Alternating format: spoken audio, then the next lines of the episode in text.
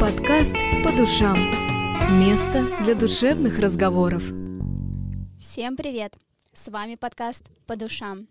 И сегодня мы с вами поговорим на очень интимную и остренькую тему.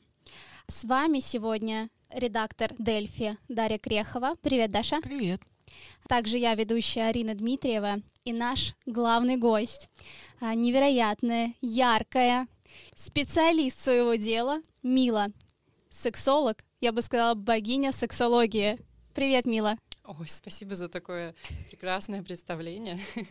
Привет, привет. Очень рада нашей встрече. Да, мы тоже очень рады, что ты к нам пришла. И мы бы сегодня хотели разобраться, кто же такой сексолог, чем он занимается, а, как в Эстонии к нему относятся. И давай начнем с того, что мы объясним нашим слушателям, кто же такой сексолог. Чем ты занимаешься? Угу. Так, значит, э, сексолог — это человек, который стоит, э, специалист, э, который стоит на страже нашего сексуального здоровья. Вот. Если мы говорим о сексуальном здоровье, то э, здесь подразумевается некий комплекс из соматических, эмоциональных, интеллектуальных и социаль, э, социальных да, аспектов э, сексуального существования человека, которые приводят его к успешным э, коммуникациям, взаимодействиям с людьми и возможности э, любить. Вот, то есть, когда имеются какие-то нарушения в этой области, то э, здесь э, люди обращаются к сексологу. Вот.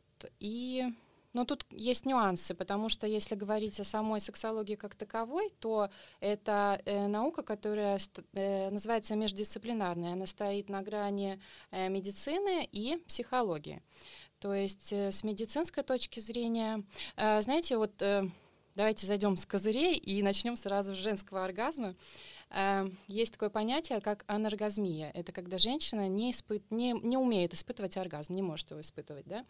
И когда такая женщина приходит на прием к сексологу, э, ей задается такой вопрос сразу же. Да? Э, с сексологами обычно общаются на ты, поэтому я так буду говорить, да, э, я спрашиваю ее, ты вообще когда-нибудь испытывала в своей жизни оргазм? И тут есть такие варианты, что женщина может испытывать оргазм наедине с собой, но не может испытывать его с мужчиной. То есть, если она э, все-таки наедине с собой оргазм испытывает, то это пациент, э, клиент сексолога. Да? Если же она вообще никогда в жизни не испытывала оргазма, тогда э, здесь э, может идти речь вообще о каких-то медицинских нарушениях, физиологических. И тогда такую женщину мы отправляем э, напрямую к врачу, чтобы проверить э, может быть, там какая-то проблема по невралгии, может быть, э, какие-то запущенная стадия воспалительных процессов. А, вот. Ну и также, когда речь идет о парном консультировании, то э, может быть такой случай, что проблема в паре а, вообще не в плоскости сексологии лежит, а в плоскости психологии. То есть тогда такую пару мы отправляем тоже к, на прием к психотерапевту, чтобы там решать свои психологические уже вопросы. Вот. А то есть, получается, вы работаете, ну, в какой-то команде больше? Э, у, у допустим, у сексологов в команде есть псих, психолог и медицинский работник, правильно я понимаю?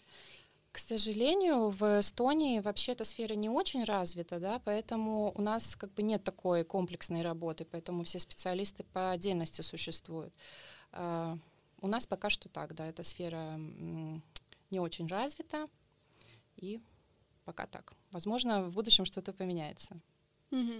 Интересно, я, кстати, не думала о том, что сексолог а это как-то еще связано с медициной. Я думала, все-таки это больше на каких-то ну вот э, то, что это связано, скорее всего, с психологией, я была, ну, как бы более-менее уверена, а то, что это еще и с медицинской стороны как-то может быть связано, я об этом даже не задумывалась. Ну, с медицинской стороны это связано в таком ключе, что э, сексолог знает физиологию, мужскую, женскую, естественно, это нужно для понимания, для общения с клиентами, но сексолог не может выписывать каких-то препаратов, например, назначать какие-то врачебные такие м, действия, сексолог э, предпринимать не может. Это уже врачебная деятельность. А у нас есть какие-то государственные сексологи или это только частная сфера? Знаете, я, наверное, не смогу ответить на этот вопрос. Я пыталась эм, когда-то в свое время, когда мне нужен был самой специалист, я пыталась его найти, поняла, что у нас э, с этим делом все плохо, и, собственно, поэтому я сама пошла учиться на сексолога, решила, если никто мне mm-hmm. помочь не может, тогда буду помогать сама себе. Ну, то есть в Эстонии это больше частные услуги? А, ну, скорее, да. Потому что, мне кажется, психологическую помощь вроде э, психологическую помощь мы можем получить от государства, а вот помощь сексолога это я, по крайней мере, о таком не слышала. Ну да, честно говоря, тоже, если записываться через регистр, диги-регистратуру какую-нибудь, да, там вряд ли увидишь э, сексолог. Прием к сексологу. Такой, такой нету графы. А как вообще в Эстонии относятся к сексологам? Ну вот э, сказать, да, э, я уже мы уже немножко затронули тему того, что сексологов в Эстонии нет, ну практически нет, да. И поэтому, конечно, люди, которые ко мне обращаются, они обращаются с интересом. Им интересна эта тема, они хотят познавать себя. Но, как и везде, есть такая часть э, общества, часть людей, которые относятся к вообще теме, связанной с сексом, э, негативно крайне, да, то есть э, как-то... Ну, то есть это люди, у которых, видимо, э, у самих нерешенные какие-то проблемы, связанные с этой с, э, сферой, и поэтому их такое мнение очень категоричное, что это запретная тема, и вообще не нужно туда лезть, и вообще о ней говорить. А те, кто приходит, все-таки это какие в основном запросы? Запросы. А, запросы, вот разные запросы. Женщины в основном приходят э, с вопросами аноргазмии. Мужчины хотят узнать, как сделать своей партнерше хорошо. А, парная терапия обычно это люди хотят узнать, как привести свою сексуальную жизнь в баланс. А, то есть бывает так иногда, что э, сексуальные аппетиты в паре разные у мужчины и у женщины, да. А, бывает так, что желания одного партнера кажутся друго, другому какими-то странными, вообще ненормальными. И тогда вот э, мы находим какой-то баланс и приходим к гармонии, потому что э, любую проблему на самом деле можно решить. Ну, то есть любую. Нет таких проблем в паре, с которыми лучше бы, ну, расстаться, скажем, ну, честно сказать, э, ну, мой ответ, да, что, ну, категоричный, что таких проблем нет. В сексуальной сфере, по крайней мере, точно нет. Э, у нас э, природа наделила таким телом, которое отзывается, готово отзываться на все команды, только нужно узнавать, познавать его и эм, в случае чего обращаться, естественно, за помощью. Вот. И когда пары говорят, что они разошлись на почве каких-то сексуальных недопониманий, то, скорее всего, здесь проблема была в том, что у них какие-то глубокие психологические непонимания внутри пары, и ну, как бы тема секса, она просто прикрытие для этого. Поэтому все проблемы можно решить, да. Ну и все-таки я понимаю, что чаще все-таки приходят э, женщины, нежели мужчины. А, ну вот, кстати, нет, я вас могу удивить, что мужчины тоже очень интересуются этой темой, да, и как я уже упоминала, что а, их мотивация, конечно, больше кроется в том, чтобы узнать, как сделать, э, ну, как, как улучшить, э, сделать так, чтобы партнерше было хорошо. Вот. То есть э, разные векторы, по которым э, обращаются пары, и женщины и мужчины, но как бы не могу сказать, что мужчины не интересуются.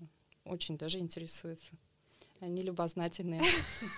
Ну и на самом деле, по большому счету, у мужчин меньше комплексов э, на этой почве связанных, у женщин больше их, поэтому женщинам тяжелее обращаться, на самом деле. Да? Э, Интересно. Ну, я, кстати, да. думала совсем наоборот. А, вот так, да. И ну, вообще люди склонны, ну, в принципе, мужчина и женщина, они склонны к тому, чтобы игнорировать проблемы и думать, что как-нибудь это все само собой э, решится каким-нибудь волшебным образом. Ну, вот как бы... Придет волшебная пол... фея и решит все вопросы. Точно, точно. А как понять вообще, что у тебя проблема? У тебя лично или у вас в паре проблема? Еще до того, как, скажем, вы начали это обсуждать, по каким-то это ощущения, какие-то что-то, не знаю. Ну как понять, есть ли у вас проблемы, да? На, э, вообще задается вопрос, удовлетворены ли вы своей сексуальной жизнью? Да? И, как правило, ответ будет нет. Ну, очень редкие люди скажут, да, да, у меня все хорошо, у меня все замечательно. Обычно все равно есть какие-то моменты, которыми человек недоволен. И ну, вот это и является поводом обратиться к специалисту. А до обращения к специалисту можно что-то сделать? Либо ну, это такая сфера, где лучше вслепую не действовать, как бы наугад. Ну вот, знаете, у меня такая аналогия пришла, как э, а, если вы пытаетесь вылечить кариес э, без помощи стоматолога, ну, не получится ведь, правда? Поэтому если есть специалист, то, конечно, лучше к нему обратиться, не заниматься самолечением, и специалист поможет. Ну а как же, допустим, а, какие-то а игры я не говорю про ролевые игры, а именно вот как настольные игры продаются. Я видела у нас даже в обычных магазинах продаются такие игры 18+, которые нацелены на то, чтобы раскрыть какой-то потенциал, чтобы сблизить пару. Они работают или это все таки миф, или это просто развлекаловка какая-то? Ну, наверное, это больше как способ разнообразить какой-то досуг свой, в том числе и сексуальный. И, наверное, в какой-то степени эти игры тоже срабатывают, но как, э, при этом должно быть э, как доверительное отношение между партнерами выстроено, чтобы они смогли играть в такие игры в комфортной для себя обстановке. А, вот. А как правило, знаете, что люди часто и между собой общаться не умеют, и доверительные отношения выстраивать тоже не умеют. Поэтому часто люди приходят именно с этим вопросом тоже. Как э, настроить, выстроить доверительные отношения с партнером. Э, как разговаривать с ним. То есть это подход каждому разный, и тут нет каких-то советов э, общих. То есть каждой паре, каждому человеку свой ключик. Универсального ключа мы не нашли, да? К сожалению, к сожалению, нет. Универсальный ключ только знаете какой? Научитесь доверять и разговаривайте по душам. Ну, как бы, если вы умеете, конечно, это делать. Но... Но мне кажется, даже если мы не говорим о сексе в отношениях, в любом случае важно доверие. Без доверия вообще никаких отношений не может существовать ни рабочих, ни любовных, ни дружеских, никаких, потому что, мне кажется, доверие — это основа всего. И что уж говорить о сексе, когда ты должен доверять человеку, если мы говорим о долгосрочных отношениях. Безусловно, безусловно. Получается, что самое сложное в сексе — это поговорить. Да, так и есть, так и есть. Ну, то есть люди учатся у сексолога в первую очередь, я так понимаю, разговаривать об этом с э, партнером в первую очередь. А потом уже в секс-шоп можно идти. Абсолютно точно. Это мы почти формулу вывели сейчас. Парная терапия абсолютно точно, да. А большая часть клиентов приходят именно с вопросом, как научиться договариваться и разговаривать по душам со своим партнером, как ему открыться. Знаешь, какой у меня еще вопрос возник, когда мы начали говорить о том, какие вообще, ну, кто приходит к тебе парами, мужчины, мужчины, женщины. У меня возник такой вопрос. А реально ли вообще решить проблему, а, если человек уже в паре, вот он пытается решить свою проблему, насколько возможно решить ее без участия партнера? Ну, то есть а, мы же, когда идем к семейному психологу, мы идем парой, и мы идем решать туда проблему нашу общую. Ну, то есть не пойдет же кто-то один из пары к семейному психологу говорить, что вот у нас там в семье такая-то проблема, помогите мне ее решить. Э, ну, вдвоем же решается. А как в сексологии, насколько это реально? Я есть... немножко замечу, что как раз у семейных психологов есть убеждение, что даже если один начнет э, работать над собой, то это уже будет очень большой прогресс. А вот как в сексологии да, дела обстоят? Ну, конечно же, то же самое, потому что сексология и психология имеют один корень. Да, и абсолютно точно, если человек задался таким вопросом, то он может прийти один.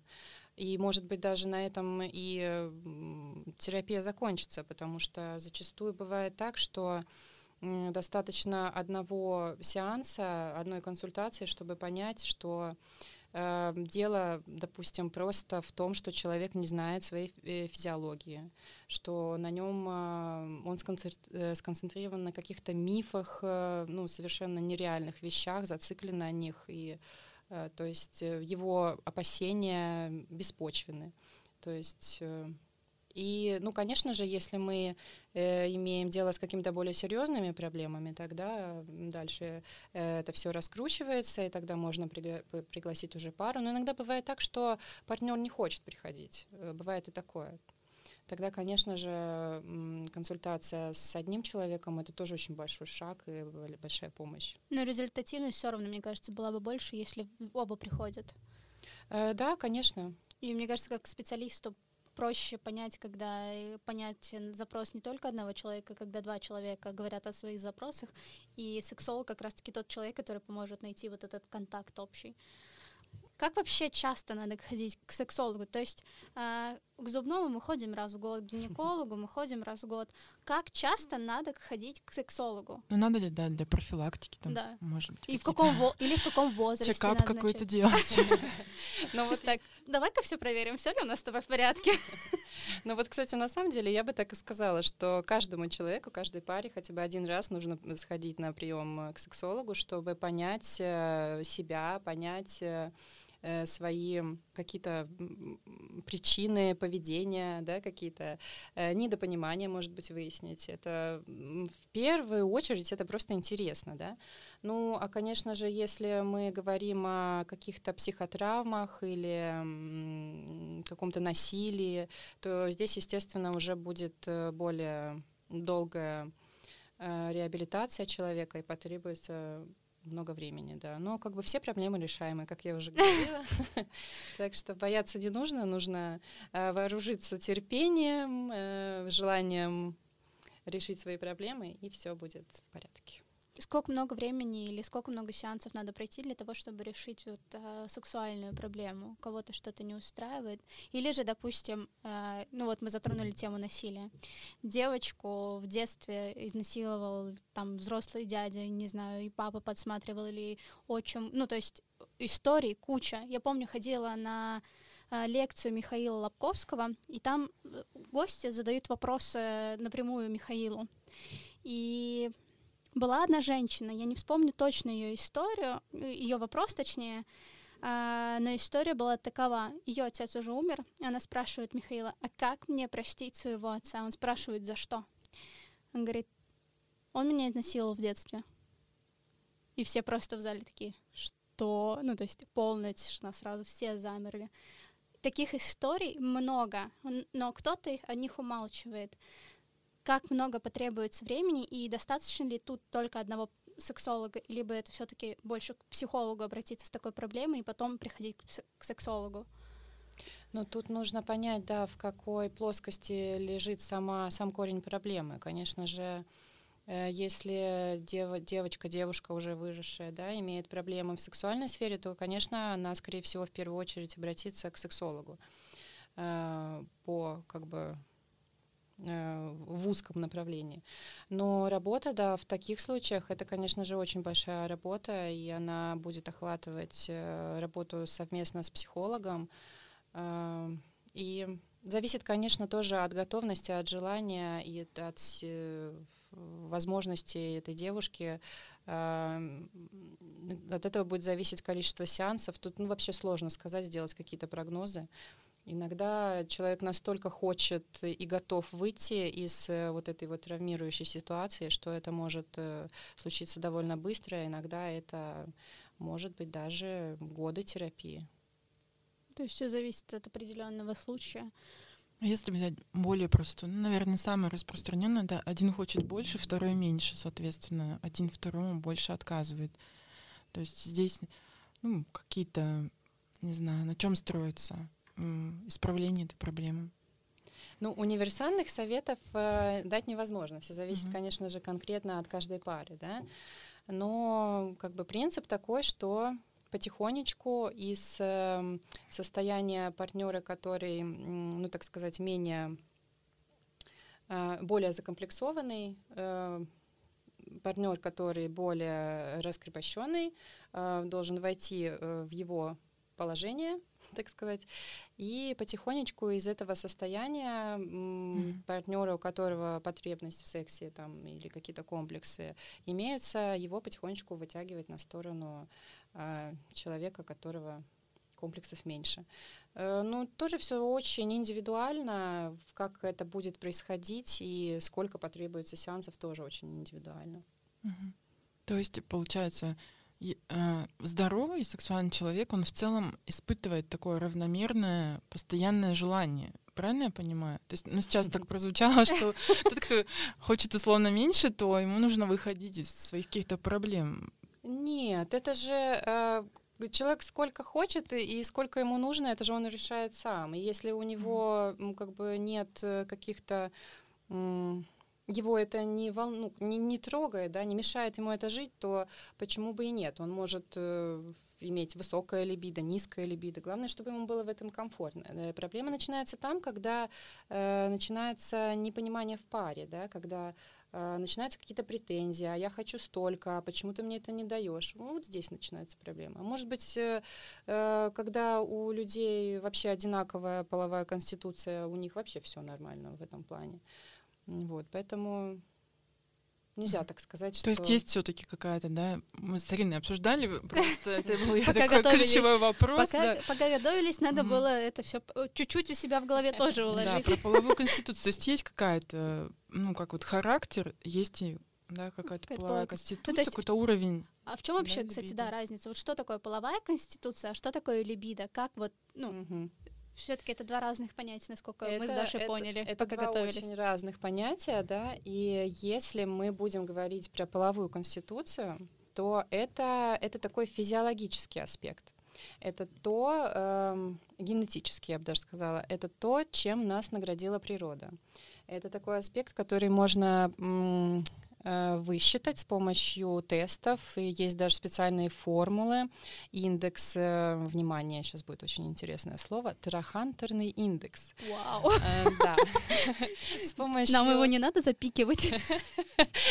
Это культурное слово, да. С помощью этого индекса можно вычислить степень своей половой конституции. То есть высокая она у тебя, средняя или низкая. Вот. Это можно, вооружившись э, сантиметром и калькулятором сделать. Очень просто. Ого. Знаете, что интересно, что э, этот индекс э, и половая конституция напрямую связана с длиной ног человека как это ни странно. Это имеет да, абсолютно физиологическую основу и связано с э, выработкой тестостерона в подростковом возрасте. Mm-hmm. А, вот. И поэтому, когда, когда у подростка очень быстро и активно вырабатывается тестостерон, а, его половое созревание происходит э, в ускоренном темпе, и его кости э, бедренные э, ну, быстрее перестают расти, и человек оста- остается, ну, так сказать, коротконогим. вот. А у кого тестостерона поменьше, а у того ноги продолжают расти дольше период, э, и поэтому ноги у них длинные. То есть длинноногие могут радоваться тому, что они красивые, а коротконогие тому, что у них очень высокий половой индекс. Но на самом деле, да, то есть это вот физиологическое понятие, но на самом деле это не так э, показательно, потому что здесь мы вот начнем говорить про либидо. А либидо — это вот э, психологический аспект. И либидо — это то, как э, красиво, вкусно, жизнерадостно мы живем, э, в как, как мы любим жизнь, в каком хорошем настроении мы находимся. И вот либидо, оно может быть у любого человека, оно не статично. То есть если половая конституция — это показатель, который нам дан с рождения, и он с нами идет всю жизнь, а либидо может гулять. В зависимости такое, от событий, своевольное. Ну да, мы же знаем прекрасно, да, что когда мы влюблены, у нас эм, играют гормоны, и как бы сексуальное желание у нас гораздо выше в период влюбленности. Это как раз то самое либидо. Также либидо можно... Эм, либидо очень повышено у спортсменов, потому что это, опять-таки, есть связь прямая с тестостероном, и когда человек много занимается спортом, тестостерон у него постоянно повышен, и либидо у него тоже э, прокачанное. Э, с помощью еды, правильного питания, либидо, в общем, можно э, повысить. И, в принципе, да, либидо отвечает за то, как, э, насколько мы радуемся этой жизни. Вот. Вообще в целом жизни. Жизни, да, да. То есть это такая жизненная энергия. То есть э, э, вообще это понятие ввел э, всем известный господин Фрейд, а потом и подхватил его ученик э, Юнг. И Юнг эту энергию, либидо, описывал как некую, некое подобие Э, энергии ЦИ. Знаете, такое э, в китайской философии есть такое. Я только Или знаю же- дзен. Жи- Жизненная энергия. Жизненная энергия, да. Или же прана, вот э, индуйская. А, то есть это некая невидимая человеческому глазу энергия, э, которая пронизывает все вокруг, и это такая энергия жизни, цветения, радости. Вот. То есть, если подвести итог в двух словах, то ам, половая конституция это чисто физиология, а либидо это эмоции, это чувства, и это больше психологические, а, пи- психологическая основа у либидо. Вот. Ну, Что плохо разница. влияет на либидо? И можно ли сказать, что ну, сейчас такое время у нас Пандемийное, тревожное, стрессовое, что в целом как-то у людей это понижает уровень? Конечно же, конечно же, стресс и э, стресс очень влияет, э, тревожность. Но не только это влияет, влияет то, что мы едим, то, что мы пьем, то, что какие у нас э, взаимоотношения с родителями и вообще с людьми выстроены. Все влияет, поэтому нужно больше окружать себя какими-то позитивными моментами, радоваться. И тогда ваша липида будет вам благодарна. В общем, здоровый образ жизни это не, не только про спорт, это еще и про качественный секс. Конечно, конечно. Ну, я хотела либидо. спросить, да, что ты сказала, что ну, как бы сексология — это вопрос здоровья, да? все таки вот как выглядит, например, сексуально здоровый человек и сексуально здоровая пара? То есть какие-то есть признаки, не знаю, пока такие ключевые сексуально здорового человека? Ну давайте подумаем. как они выглядят. Ну, это, ну, частота, думаю, что- сколько там, условно говоря, какой-то минимум количество раз, не знаю, какие-то чувства, там, оргазм каждый раз. Ну, то есть вот какие вещи говорят прям, что у вас все в порядке с, с сексуальным здоровьем? Ну, только лишь то, насколько, насколько вы сами радуетесь э, происходящему. То есть количество раз это, это настолько индивидуальный показатель, это у каждой пары он свой, и здесь вообще не нужно мериться э, у кого какое количество раз. Это ни о чем совершенно не говорит. Эм, Ну да, такие пары выделяются, потому что они сияют. Они сияют, они радостные. И их Не, сразу видно. Может, а, скажем, неважно, что они в паре делают, э, ну, там, условно говоря, у кого-то, может быть, какие-то жесткие там вещи, но им ну, на каком-то уровне это доставляет удовлетворение. Э, То есть это тоже нормально, это тоже вариант психического, здор- э, сексуального, извините, здоровья. Ну, вообще, да. И Главное, чтобы, да, э, когда мы говорим о здоровье, чтобы не было э, вреда для здоровья прямого. То есть э, то, что опасно, все лежит в, на- в рамках нормы и здоровья. Вот э, не здоровье только там, где э, имеется вот игры зашли настолько далеко, что есть опасность для жизни.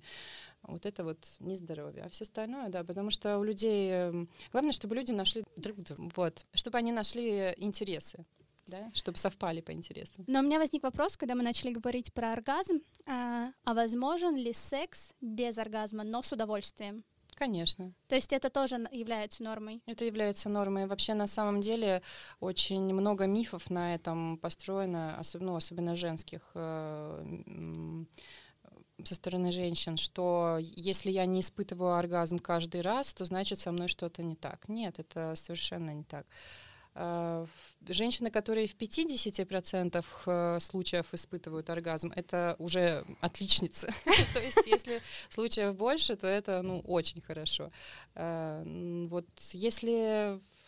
Ну, так сложно, конечно, говорить в процентном соотношении. Ну, то есть не получать оргазм каждый раз, это, в принципе, не, не страшно, это норма. Но это можно тоже изменить эм, при желании. Но это не должно быть эм, каким-то, ну, какой-то проблемой для женщины. Она не должна себя чувствовать какой-то не такой, какой-то ущербной, если она не, не может э, достигнуть оргазма каждый раз при э, сексе. Какие еще мифы существуют, самые такие, которые ты слышишь своей практике? Которые вот усложняют жизнь? размеры, например, очень много мифов. Какой Мгм. должен быть размер у мужчины, да? То есть, ну, это же тоже абсолютно неважно. А, Но мужчины любят мериться. Для меня всегда это было удивлением. Ну, как бы, как, как вы такие, типа, Слушай, а сколько у тебя? У меня 15, а у тебя? А у меня 20. Как, как это происходит? Я никогда не слышала этих мужских разговоров, и я никогда не понимала, как вот это измерение сантиметров происходит. Зачем? Почему? Ну, Правильно. Как девочки меряются длиной ног в детстве, как измеряют сантиметры. Я Ну, так не делала, кстати. Не делала? Странно. Я всегда была коротконожкой. Что, померяемся ногами после подкаста? Да-да-да, и узнаем нашу половую конституцию. А как вообще сохранить страсть в течение долгих лет?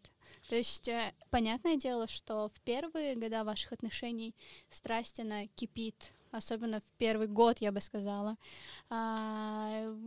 все время что-то новое в ваших отношениях и повышенная либидо.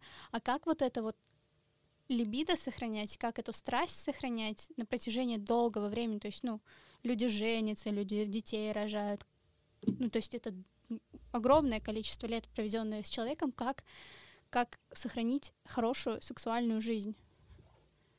Ну, наверное, главный секрет э, здесь кроется в разнообразии и в э, интересе и к, э, к желанию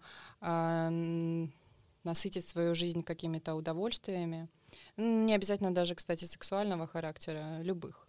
То есть, опять-таки, здесь мы возвращаемся к теме либидо и жизненной энергии.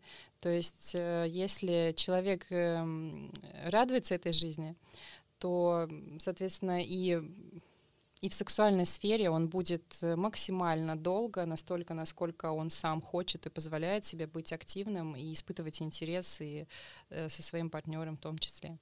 Ну, то есть, получается, надо не в аптеку бежать, да, за какими-то стимуляторами, а обратить внимание на то, чем ты вообще интересуешься, как живешь, и, ну да, как досуг свой проводишь, насколько разнообразно.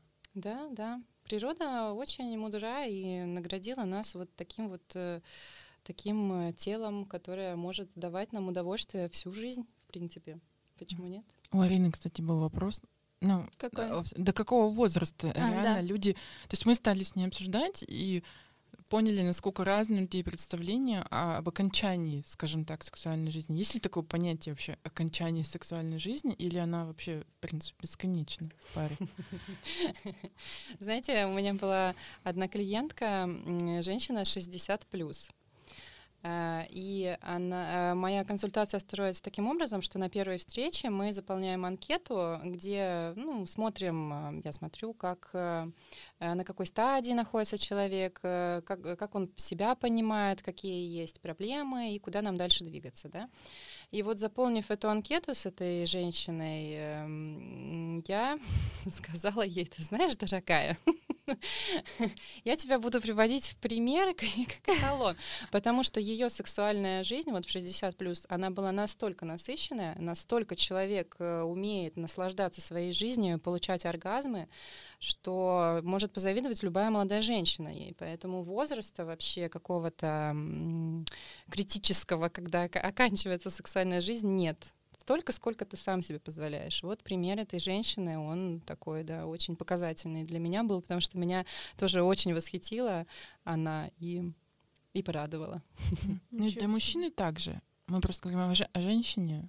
А, мужчины я- тоже да, могут, да, да, долго конечно. получать удовольствие. Конечно, конечно. А, кстати, вот мы сейчас начали говорить про возраст. И, ну, женщина в какой-то момент своей жизни, у нее наступает климакс. А, вот этот момент влияет на женское либидо как раз-таки, потому что, ну, мужчин они могут хоть всю жизнь, а вот у женщин могут, может быть вот этот вот критический момент в целом в ее жизни. Я знаю, что это все-таки такой эмоциональный, и гор- гормоны шалят вот здесь может прекратиться половая жизнь? Что делать э, девушке, когда она столкнулась с климаксом? Ну, Я вот встречала, скажем так, женщин около 50, ну, между 45 и 50, у кого наступил, и говорили, что, ну, мне это больше не нужно и не интересно. То есть это вот что, да, это как-то связано с самим вот этим моментом, или что это? Почему так происходит? Ну, это такой больше кризис, да. Вот э, я вам приводила в пример э, клиентку, у которой 60 лет, то есть климакс у нее давным-давно позади, за спиной, да, но при этом человек не растерял э, жизнерадостности и не решил, что все, моя жизнь закончена. То есть это такое, э, конечно, это поворотный момент в жизни женщины, да, какой-то такая, такой э, момент, когда женщина может для себя решить, что все, моя жизнь женская на этом закончилась. Ну, как бы это ее выбор, и не сказать, что он правильный, да, потому что Примеры множественные показывают, что на этом жизнь не заканчивается. Да, конечно, какие-то физиологические э, моменты имеют место быть, и нужно перестраиваться немножко, находить какие-то новые пути, но опять-таки все решаемо, и все зависит от твоего личного желания, как ты хочешь. Э, хочешь ли ты дальше продолжать свою сексуальную жизнь э, в активности, или все, или ты решила, что поезд ушел, и все. Пора С другой стороны, вязать. что э, кажется, в этот момент женщина может, например, больше не бояться забеременеть, это должно немножко дать, наоборот, ей какую-то свободу, что если она получает удовольствие, она уже теперь может просто получать удовольствие и не бояться, что снова ну, может родить ребенка. Ну, а это уже такой возраст, когда это, скажем так, не так просто. Вот видишь, ты во всем видишь плюсы. Ну. Но э, я просто задумываюсь ну, об этом периодически. Ну вот, главное видеть плюсы во всем. Видишь, как хорошо. Ну да, если в целом пытаться находить одни минусы во всем в этой жизни, но то о каком либидо мы говорим? конечно. Тут в целом недовольство своей жизнью будет. Вот э, если мы говорим о взрослых людях, то тут понятно, что тут уже ну, зависит от э, их отношения. Взрослые это сколько? лет. Но мы не говорим о молодежи. Давайте так. А молодежь это А молодежь сейчас до 45 считается, между прочим. Ты Я говорю прям... Нет, не знала. Вот. Я считала, что молодежь, но это прям совсем молодые. Мы э, с Дашей вчера буквально говорили о том, что нынешняя молодежь, она стала асексуальна, то есть уже не так сильно интересен секс, как это было, не знаю, допустим, в 90-х когда стали доступны все журналы, э, ну, видео, видео. Это секс появился, Советский Союз развалился, секс появился. Я сейчас довольно много статей встречаю, э, ну, прям асексуалы. И это молодые люди, это все до 25. Люди живут вместе, строят какой-то быт и ну, не занимаются сексом, потому что они так договорились, и потому что им так комфортно. Да, вы знаете, я, я тоже слышала об этом и читала много статей на эту тему от э, коллег-сексологов, э, но в моей практике таких людей, конечно же, нет, потому что ко мне люди приходят, которые интересуются все-таки темой секса и своего сексуального здоровья. Но да, есть такое понятие, как э, эротическая скука. Это когда, эм, то есть если раньше, какое-то время назад, считалось, что секс для людей э, это чуть ли не единственное самое важное, что э, важный интерес в жизни людей, да, то со временем этот интерес сместился, и люди стали больше обращать внимание в сторону карьеры, а, и секс смещается там ну, с первого на второе, на третье, на пятое место. То есть э, так называемая эротическая скука. И чем, с чем это связано? Да, что, ну, бытует такое мнение, что это может быть связано как раз-таки с доступностью порно и э, вообще э, такой большим количеством информации на эту тему. Вот, поэтому очень важно проводить, э, заниматься сексуальным образованием для подростков, чтобы этого всего не происходило. Но у нас есть также вопросы от читателей. Да, у нас мы опубликовали как бы такую форму для читателей. И вот один из таких вопросов касался порнографии. Ты тоже ее упомянула. То есть все-таки это больше вред или больше пользы для сексуальной жизни? Вот такой читатели спрашивают. Ну, я бы сказала, смотря как посмотреть. Сейчас вообще набирает обороты так называемое этичное порно, в котором модели показаны реальными людьми, а не вот э, как э, в классическом порно это было принято, что эм, очень идеальные пропорции у всех моделей, какие-то несуществующие вообще формы, Э, в реальной жизни, да, и когда люди на это смотрят, они считают, что со мной что-то не так. Но на самом деле надо понимать, что в порно же очень много и графической обработки какой-то, и люди специально подобранные, и эм, все эти звуки, они неестественные, люди такими звуками в реальной жизни не, не издают. В общем-то, фантастические фильмы, по большому счету. И на этом, конечно, построено очень много проблем эм, в, ну, в будущем у людей, которые есть так называемая порнозависимость, да, когда человек э, настолько вот уходит в этот мир э, вот этого вот искусственного кино, что, конечно, в реальной жизни ему очень тяжело, потому что он не, он не понимает, почему как бы моя партнерша не, не кричит не так. Э, то есть почему у меня там тоже не вот, почему я не могу два часа подряд. Ну, то есть, конечно, да, это все Э, из, разря... из разряда фантастики, конечно же, и в какой-то степени, конечно, портит жизнь людям. Но вот, э, как я уже упоминала, есть этичная порно, где актеры похожи на реальных людей, где все происходит так, как в жизни. Э, можете поинтересоваться этим разделом? Мне кажется, у нас получился очень классный, теплый и достаточно откровенный такой разговор, подкаст. И я очень этому рада. Хочу сказать вам спасибо большое, девочка, что вы сегодня со мной. Спасибо тебе. Мила, спасибо, что ты просветила нас, объяснила да, нам. Очень интересно было. Спасибо, девочки, что пригласили меня. И я желаю вам и слушателям э, сексуального здоровья, цветущего либидо и огромной радости к жизни. Спасибо большое. Спасибо. А с вами был подкаст по душам. Мила, Даша и Арина. Всем спасибо. Пока. Подкаст «По душам». Место для душевных разговоров.